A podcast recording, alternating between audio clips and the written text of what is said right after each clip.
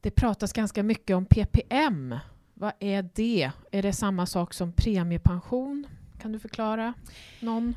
Ja, PPM var ju en förkortning av Premiepensionsmyndigheten. Och den myndigheten den upphörde ju 2010 när Pensionsmyndigheten bildades istället. Och det är de som tar hand om premiepensionen idag. Eh, men eh, Kristina, du jobbade ju faktiskt på PPM. Du måste ju vara proffs på det här med premiepension, tänker jag.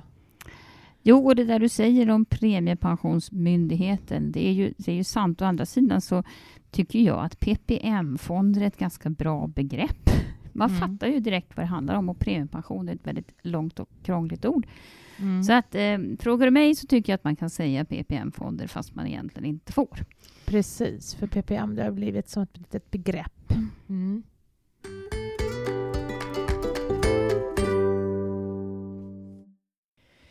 Idag ska vi prata om hur premiepensionen fungerar. Vi kanske ska börja med att förklara hur man får allmän pension i Sverige. Kan alla få det, Kristina? Ja, grunden är ju deklarationen. Eh, alltså om du jobbar och betalar skatt i Sverige, då går en del av det du har betalat in till din framtida pension. Och även om du har en svensk arbetsgivare så betalar arbetsgivaren in via de här sociala avgifterna så går det pengar till din framtida pension också. Det är liksom grunden. Det behöver inte vara svensk medborgare eller någonting, utan det viktiga är att du jobbar och betalar skatt. Eh, och sen kan man naturligtvis få pension om man inte har tjänat så mycket pengar heller, men då är det mera i form av statliga stöd. Om jag flyttar till ett annat land då när jag blir pensionär, får jag med mig min allmänna pension då, eller får jag lämna kvar den i Sverige? Ja, då kan man ju just göra skillnad på de här pengarna som du har tjänat in själv via de deklarationerna. De pengarna får du faktiskt ta med dig vad du vill. Det enda är att du måste tala om var pengarna ska skickas och så måste du visa upp det en gång om året mm. någonstans och visa att du fortfarande lever. Mm. Eh, Medan däremot då, eh, har du stöd av olika slag eh, så gäller det lite olika regler för det. Det fanns ju en gammal dam som flyttade till sin son i Thailand och hon blev ju av med sin pension. Det ja. var en massa skriverier om det. Ja, Eva, 96 år, det var en käck dam. Eh, nej, men grejen är att hon hade ju det här som heter garantipension, det vill säga hon hade väl jobbat mycket i hemmet men då inte varit anställd och inte betalat så mycket skatt. Och då fick hon det här, en pension som egentligen var ett stöd från staten. Och den pensionen den får man bara ta med sig inom EU. Och eftersom hon flyttade till Thailand så försvann ju de där pengarna så småningom okej, vi kanske ska gå igenom hur den allmänna pensionen egentligen fungerar. Hur många delar finns det egentligen i den allmänna pensionen? Ja, det är mycket ord här nu, men, men egentligen är det inte så himla svårt. Det finns tre delar i den allmänna pensionen. Alltså samlingsbegreppet är då allmän pension och sen har du tre delar i den här pensionen. Och då är det dels inkomstpensionen och det är garantipensionen och det är premiepensionen. Garantipensionen har vi redan förklarat vad det var. Va? Eh, det vill säga det som fyller ut när du inte har tjänat in så mycket själv. Inkomstpensionen och premiepensionen är egentligen två delar av samma sak. När du jobbar och betalar skatt, då så går nästan en femtedel av din lön kan man säga, kommer då gå till din framtida pension, 18,5 procent. Och 16 procentenheter av det där, de går till inkomstpensionen. Eh, och de pengarna finns egentligen inte på kontot till dig utan de pengarna går direkt till dagens pensionärer. Så att de har något att leva på. Eh, det var inkomstpensionen. Och sen har du den lilla delen kvar då, 2,5 procentenheter. Det är premiepensionen. Eh, och de, det får du ju välja fonden för de pengarna. Om man fokuserar då på med inkomstpension och premiepension eh, som jag själv känner in till. Får jag det från första kronan jag tjänar in? Ja, du måste ju betala skatt eh, först. Mm. För att mm. du måste alltså deklarera för att det här ska bokföras någonstans. Eh, och då ett gott tips till alla som ska till exempel sommarjobba eller någonting sådär snart, så är det att försök att komma över gränsen för när du får deklarera för din inkomst. Och den ligger på ungefär 19 000 kronor om året. Um, alltså på ett år så ska du tjäna 19 000 kronor. Då får du en deklarationsblankett. Och då betalar du bara skatt på en väldigt liten del av den där summan. Uh, Medan du däremot får pensionsrätter då, då på hela summan. Så då går man faktiskt man kan gå med vinst. Man betalar in mindre i skatt än vad man får i framtida pension. Så egentligen skulle jag då kunna tjäna in skatt, om jag förstår rätt, då, redan som bebis? Man kan så? tjäna in, ja, huvudsaken är att du tjänar pengar. Det kan ju vara lite svårt Man när man är kan- bebis. Ja, men, men man kan ju faktiskt göra reklam eller något. ja, Kanske ett ovanligt vackert litet barn Mm. ja, men det, som det, passar bra. Det blir reklam eller något. Ja, det sägs ju att det finns. Det, det har ju funnits sex stycken treåringar du som stått förmodligen... Som, och då, då när man får ett orange kuvert som treåring det är ju lite fördröjning på när det här kuvertet kommer. Man ska ju deklarera inkomsten först också. Då. Så förmodligen har man då gjort debut i arbetslivet som ettåring och det är ju ambitiöst och bra. Mycket bra. Men hur många procent är det som avsätts till den allmänna pensionen? Du kanske sa det tidigare, Ja, men vi kan ta det en gång till för att där gäller det att hålla rätt på siffror. Det är alltså ganska mycket pengar. Det är 18,5 procent. Upp till om du tjänar 40 000 kronor. Mer än så får du, då får du ingen mera inbetalt till allmänna Det är taket. Liksom. Mm. Mm. Och då kan man säga 40 000 spänn. Har du 18 18,5 procent av det, då går faktiskt lite drygt 6 000 kronor av de där, din lön till den allmänna pensionen varje eller till inkomstpensionen varje månad. Och en tusenlapp på det går till premiepensionen. Det är ganska bra. Mm. Men varför delade man in den allmänna pensionen i de här två olika delarna egentligen? Vad, vad är syftet med den här premiepensionen, PPM? Ja, egentligen var det nog tre skäl. Nu, nu liksom inte... Nu försöker jag förklara hur politikerna tänkte då i mitten på 90-talet när man ganska raskt beslutade att vi skulle ha ett annat pensionssystem än det vi hade tidigare. Eh, om vi tar lite historik då. då. Gamla ATP-systemet. Då så skulle man jobba 30 år och så de 15 bästa åren räknade man och så fick man en procentsats av den lönen då.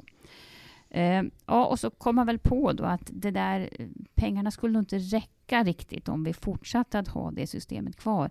Inte minst för att vi lever så mycket längre nu. Så att det blev väldigt dyrt system.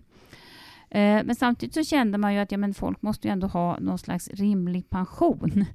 Eh, så hur gör vi? Hur bygger vi upp systemet? Eh, och då tror jag man tänkte som politiker att ja, man får nog räkna med att man får jobba några år till, men, men man kan inte jobba hur länge som helst. Så att en variant är att vi försöker att öka värdet på pensionsinbetalningar, det du betalar in. Alltså få lite mera turbo på en del av pensionen.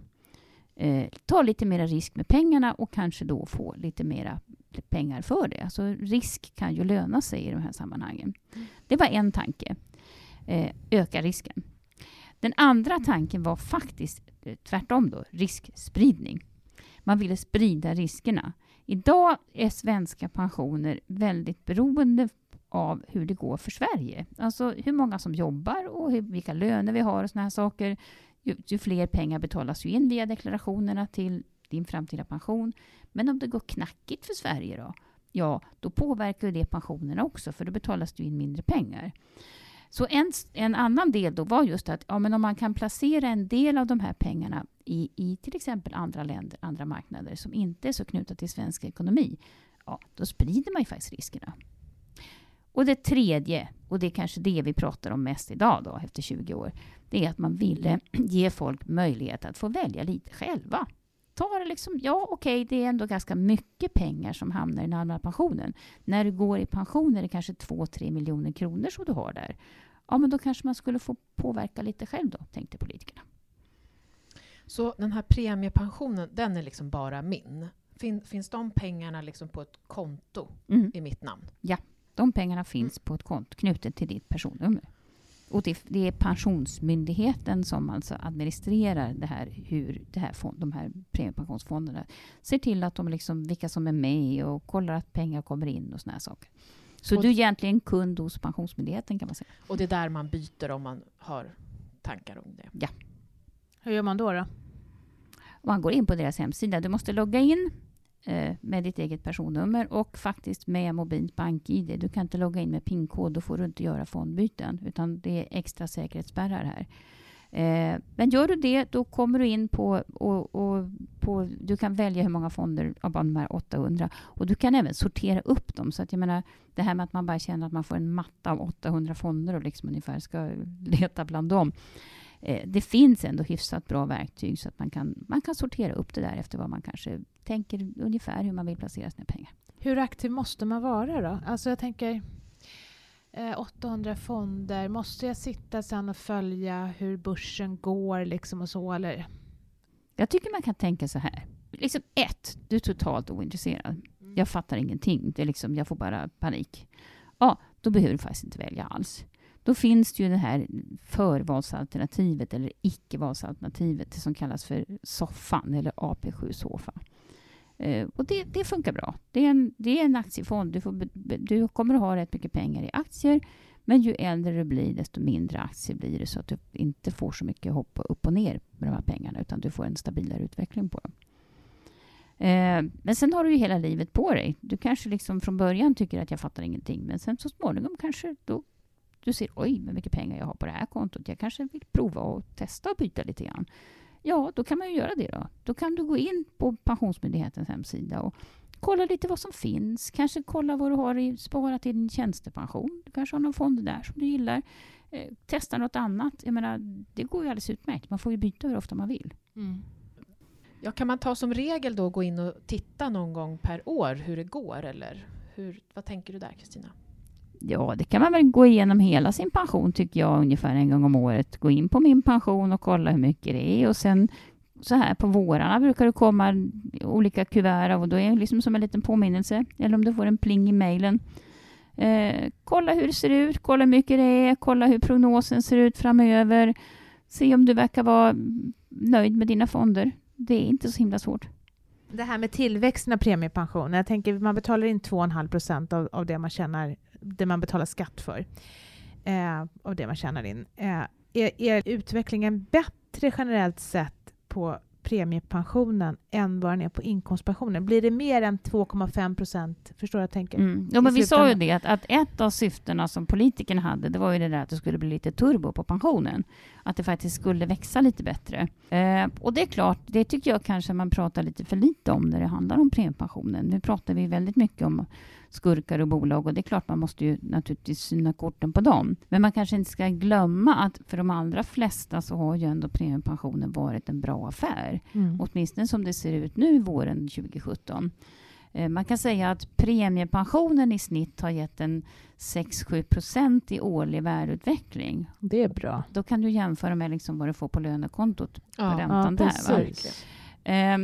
Och om man då istället skulle sagt att men vi ska inte ha någon premiepension alls, utan vi låter allting ligga i den här inkomstpensionen istället, som växer ungefär med tillväxten i Sverige. Ja, då har det legat på kanske 2-3 procent. Men sen är det naturligtvis så att, att det blir väldiga skillnader eftersom du kan välja olika.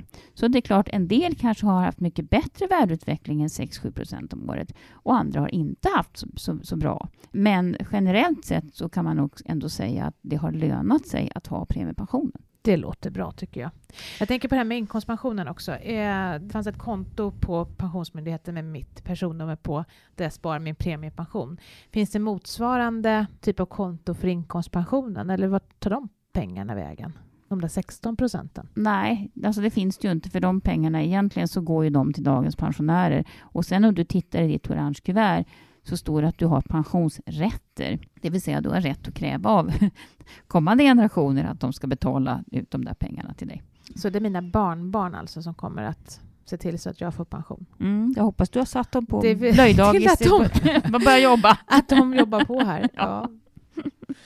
Men hur, hur, hur ska jag tänka kring hur aktiv jag ska vara? Som vi sa, det fanns 800 fonder att välja och liksom, det känns ju jättejobbigt om man tänker så. Har du någon idé? Ja, och det värsta är ju att det många känner jag, alltså det finns ju en del rufflare, höll på att säga, de där som ringer hem till dig på kvällarna och tycker att det här kirrar vi åt dig. Alla behöver kanske inte vara jätterufflare, men, men, men det, har, det har blivit en marknad det här att eh, ta, ta liksom, känna av din oro och försöka hjälpa dig att välja åt dig. Eh, och då är vi tillbaka i det där. Vill du inte alls det här så behöver du inte vara orolig för det. Utan det här förvalet, icke-valet, det funkar alldeles utmärkt. Det är likadant i tjänstepensionerna. Det finns ju förval och möjlighet att välja där också. Och det handlar dessutom om ännu mera pengar. Men du kan nog lägga på luren med gott samvete och känna att jag har ingen lust just nu. Men kanske längre fram att du ändå liksom vill kolla. Och jag tycker även om du inte har valt så tycker jag faktiskt ändå att du ska gå in och kolla hur mycket pengar du har i det här soffan. Eh, bara för din egen skull. Det är ju liksom din egen plånbok det handlar om. Mm. Jag tänker de här då som, som ringer hem och, och vill förvalta min pension.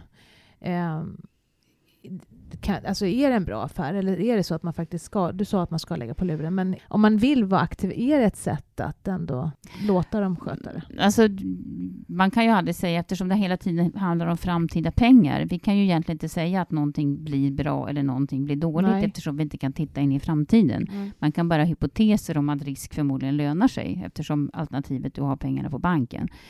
Men man kan ju vara varse då att de här som, som försöker sälja in grejer, de tar ju betalt för sin tjänst.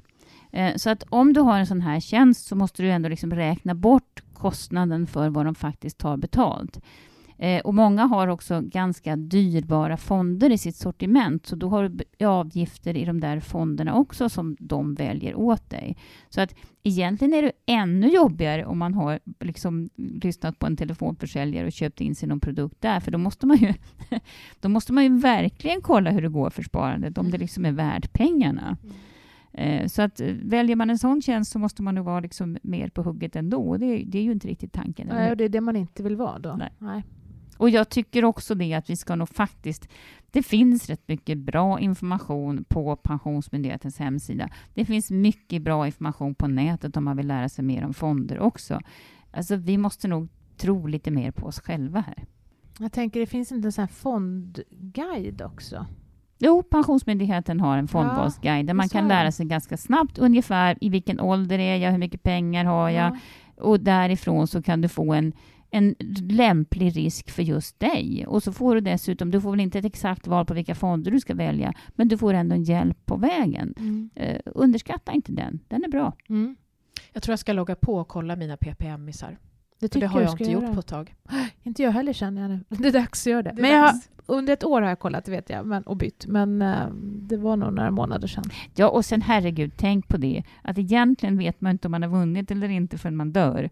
Alltså, även om det ser eländigt ut just nu, ta det lite lugnt med de där premiepensionsfonderna. Det löser sig nog. Jag tror att man möjligen, om man ska säga någonting, så man ska vara rädd för att ta för lite risk. Om man nu har lagt allting i en räntefond om man liksom är 32 år, då tror jag inte det är särskilt bra för din framtida pension. Utan våga ta lite risk på de där pengarna, för det är det som är meningen med dem.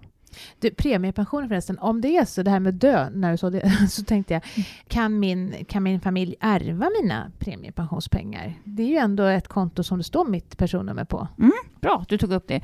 Jo, det kan de ju faktiskt göra, men inte förrän du har blivit pensionär. Så att när du blir pensionär då kan du teckna ett efterlevande skydd för ja, sambo och allt sånt där. Jag tror att du bara är sambo och fru eller man för att man kan inte göra det för barnen.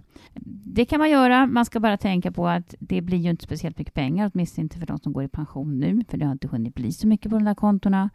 Och med allting annat, med alla såna här typer av skydd, så är det ju en kostnad för det. Eh, så att du minskar ju din egen pension när du tecknar ett efterlevandeskydd.